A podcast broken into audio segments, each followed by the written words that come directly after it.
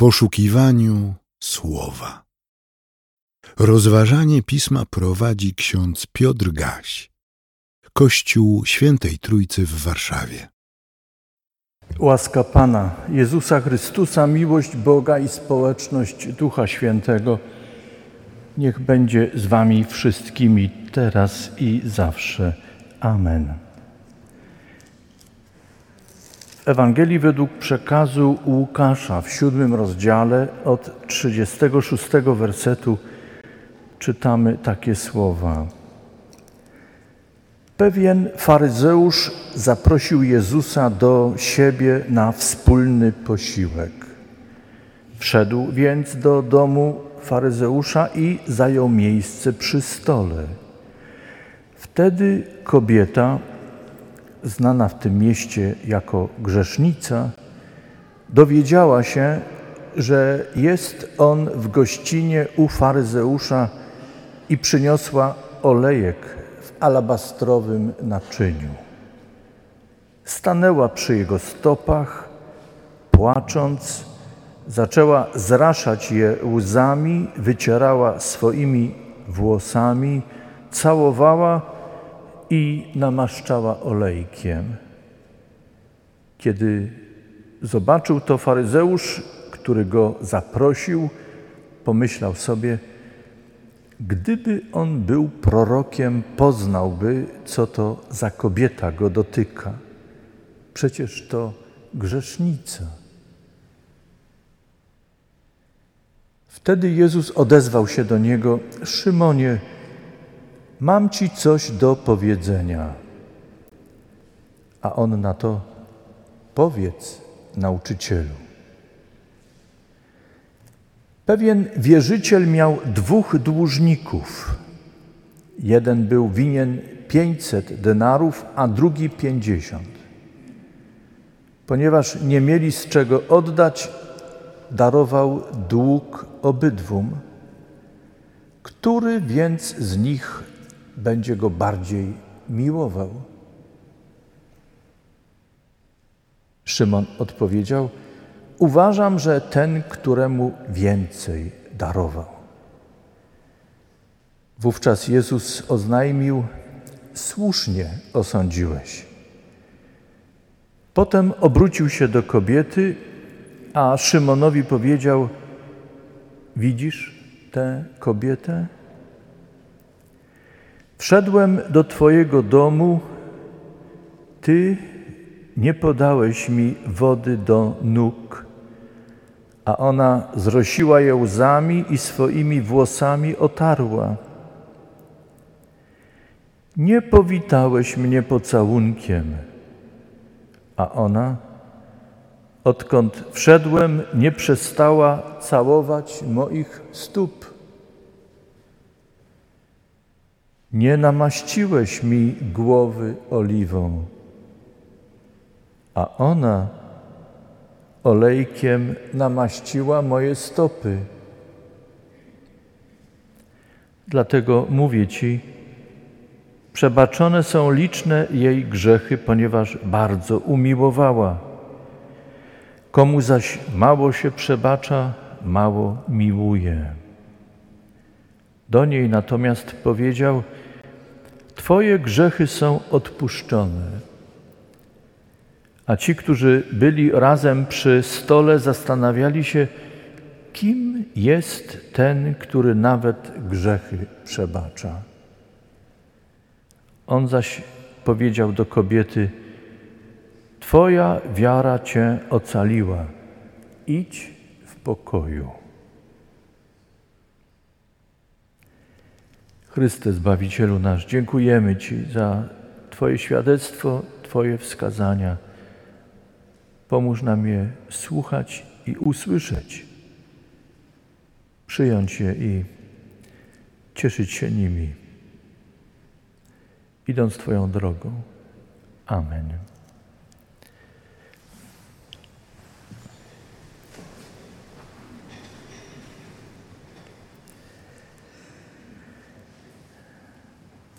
Siostry i bracia, Dzisiejsza Ewangelia pokazuje nam niezwykły kontrast i właściwie dwa światy.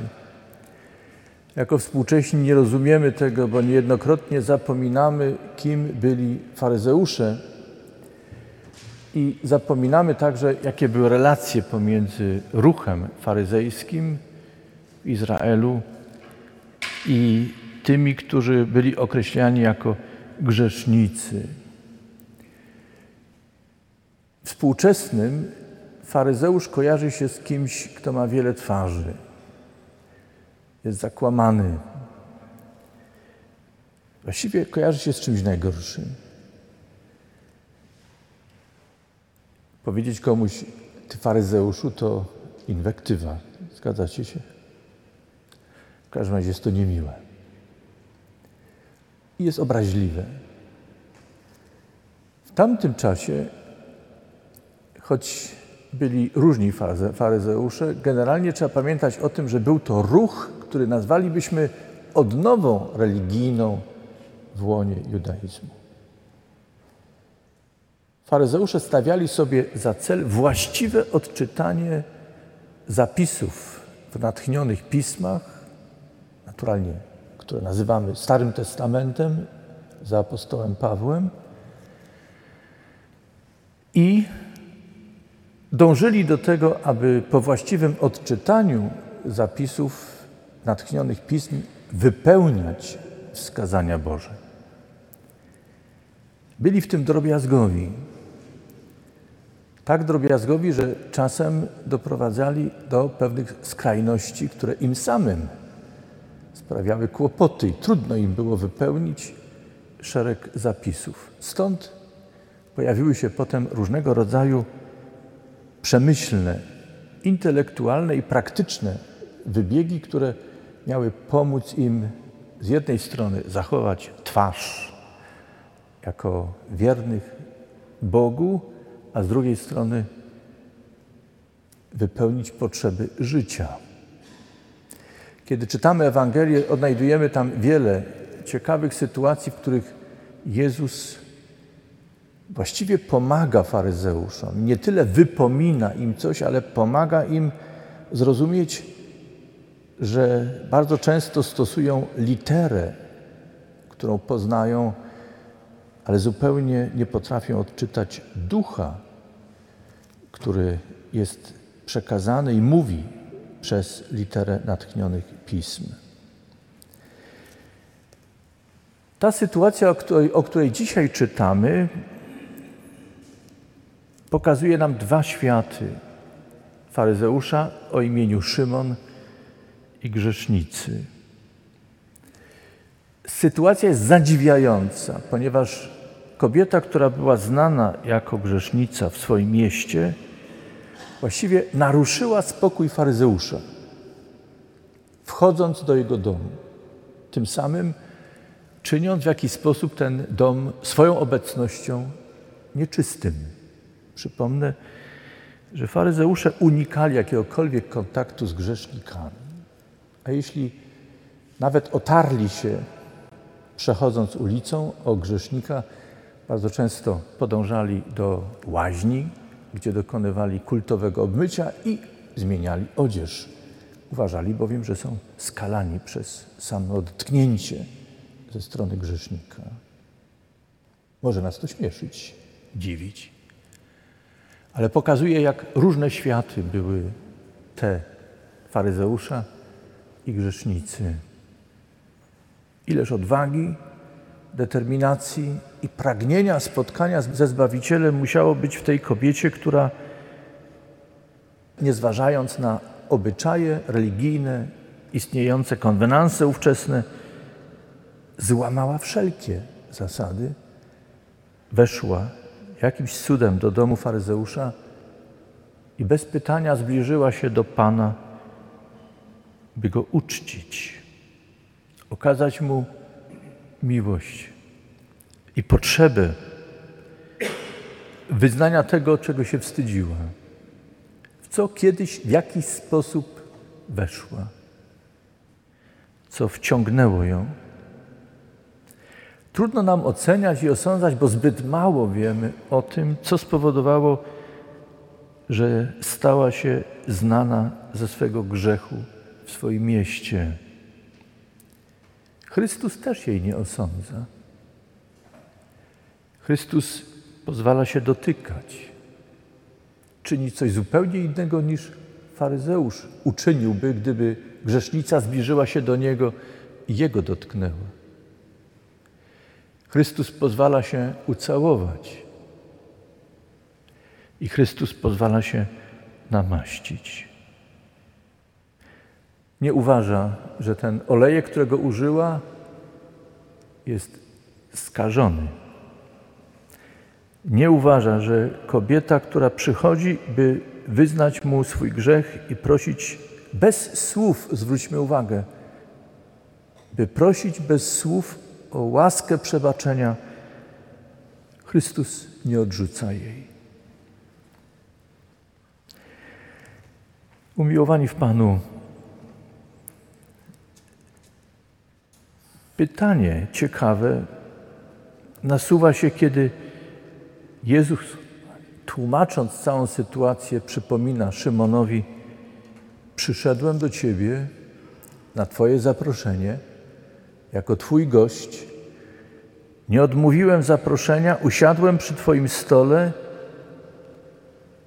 ale mając pretensje do grzesznicy, nie zauważyłeś tego, że nie podano mi w Twoim domu wody dla umycia nóg, co było w tamtym czasie czymś oczywistym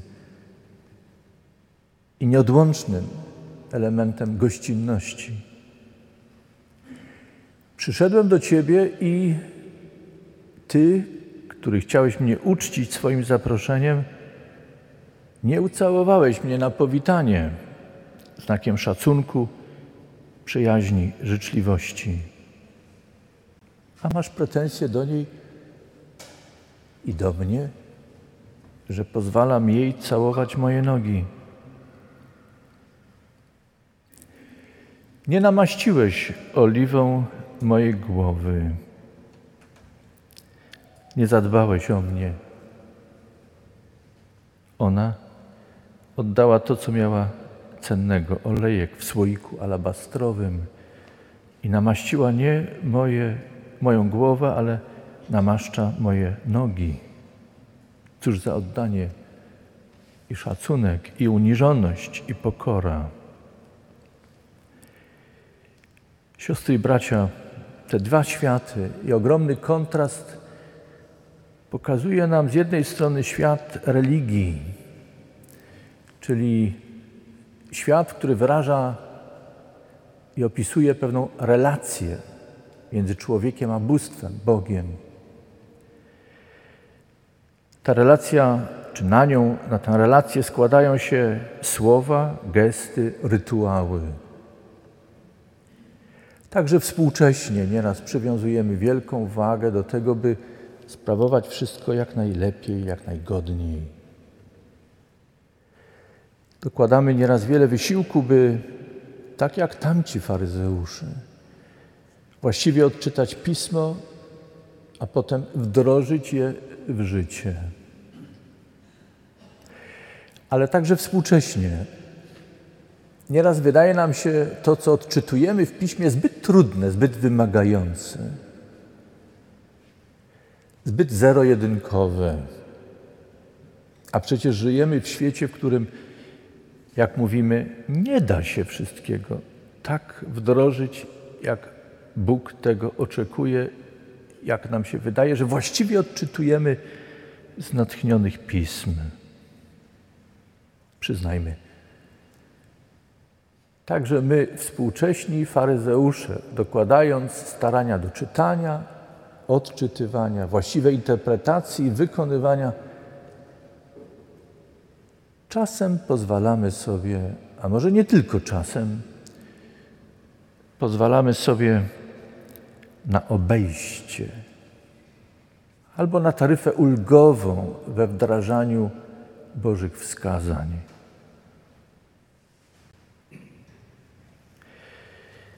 Przyznajmy także współcześnie,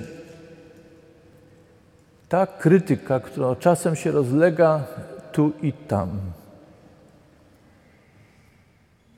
której my, chrześcijanie,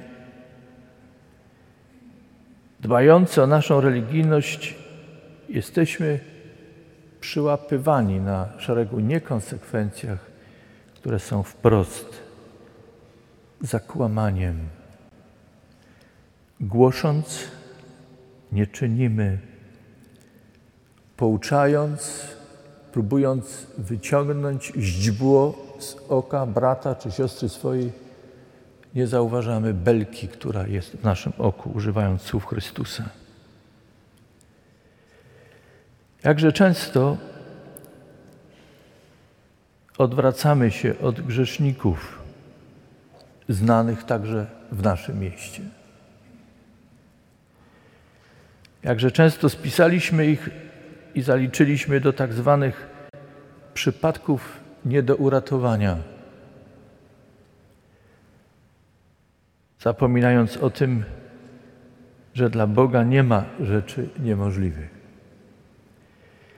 I co najważniejsze, myśląc po faryzejsku,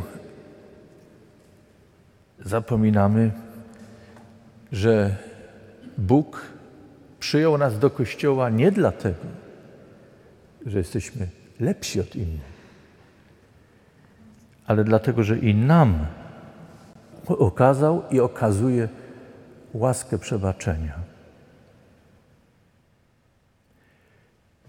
Wróćmy do innej sceny z grzesznicą, którą przyprowadzono do Jezusa, kiedy to uczeni w piśmie i faryzeusze powoływali się na zapis w Starym Testamencie i powiedzieli: Takie nakazano kamienować. Co ty powiesz? Pamiętacie tę scenę? Chrystus odpowiada: Kto z Was jest bez grzechu, niech pierwszy rzuci na nią kamieniem.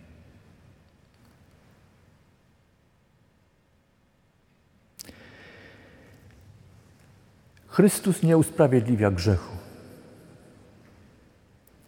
Chrystus tego, co jest złe, nie czyni dobrym. Grzech nazywa grzechem. Chrystus wyrywa z grzechu. Przez łaskę przebaczenia w swojej miłości uwalnia człowieka od kary za grzech. Nie zdejmuje z niego odpowiedzialności za to, co uczynił, ale w swojej łaskawości On, Bóg mocarny, puszcza w niepamięć, a jednocześnie otwiera przed człowiekiem nową możliwość. Rozpocznij nowe życie. Żyj.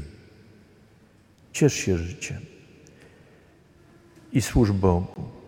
Nie ze strachu, ale z miłości. Tu dochodzimy, siostry i bracia, do niezwykłej myśli, którą Chrystus nam pokazuje. Chrystus mówi, że komu wiele wybaczono, ten bardziej miłuje. Wielce miłuje. Może to jest nasz problem, siostry i bracia, że nieraz myślimy, iż Bóg przyjmuje nas dla naszej godności i doskonałości. Nie zauważamy, jak wiele nam Bóg odpuszczał i odpuszcza każdego dnia. Jak bardzo powinniśmy Boga umiłować, a swoje życie nie wynosić ponad wszystkich jako przykład doskonałości, ale jako przykład Bożego zmiłowania i przebaczenia. Ze Starego Testamentu słyszymy dziś niezwykły przykład króla Dawida, wielkiej postaci, ale który, jak słyszymy dzisiaj, czytając ten tekst, był też zakłamany. Potrzebne mu było przesłanie dane mu przez Boga za pośrednictwem proroka Natana, aby poznał samego siebie. Stajemy dzisiaj w tym dniu przed naszym Panem i Bogiem w upalny dzień. Ale nie upał jest najważniejszy dzisiaj. Najważniejsze jest to, że stajemy przed Bogiem i Panem naszym. Najważniejsze jest to, że On do nas mówi. I najważniejsze jest to, że każdej i każdemu z nas pokazuje to, co jest ważne dla nas, czego ja nie wiem, inni nie wiedzą, ale Bóg wie. I Bóg odnajduje drogę do każdej i każdego z nas, by nam pokazać, że choć czasem staramy się być dobrymi faryzeuszami, wiernie czytającymi i odczytującymi Pismo Święte, wydobywającymi z tego Pisma Świętego wszystko, co najlepsze, by wdrażać to w życie, choć się staramy, jakże często stajemy się zakłamani, oszukujemy samych siebie. Wydaje nam się, że jesteśmy w stanie coś ukryć przed Bogiem, tak jak próbował to czynić Dawid. Dla lepszego samopoczucia pocieszamy się, że nie jesteśmy tacy jak inni grzesznicy. A w tym wszystkim zapominamy, że Bóg wiele mnie i Tobie wybacza i miłuje nas. I karcenie i napominanie nigdy nie powinniśmy rozumieć z Jego strony jako ranienie nas, choć przyznajmy, Boże napominanie czasem boli. Ale ono jest zawsze jak cięcie dobrego chirurga, który leczy. Jest jak zawsze dobre mądre karcenie ojca czy matki, dobrego ojca i dobrej matki, którzy dbają o swoje dziecko.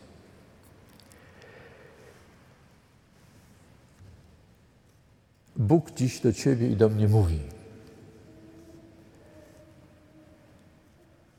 I zachęca nas, byśmy nie bali się zbliżyć do Boga, byśmy nie tworzyli niszy różnego rodzaju w naszym życiu, gdzie się chowamy przed Bogiem, przed ludźmi i sami przed sobą. Ale chcę, byśmy stanęli w prawdzie nie naszej, ale Bożej, która jest światłem, która jest mocą, która jest młotem kruszącym wszystko to, co skostniałe, skorupiałe, zasklepione w nas, by uczynić nas na nowo, wrażliwymi, mądrymi w Bogu, i zdolnymi słyszeć i dostrzegać to, co jest Bożą drogą i Bożym wskazaniem. Niech Bóg łaskawy Tobie i mnie pozwoli odnaleźć Jego drogę. Amen. Przyjmijcie życzenie pokoju.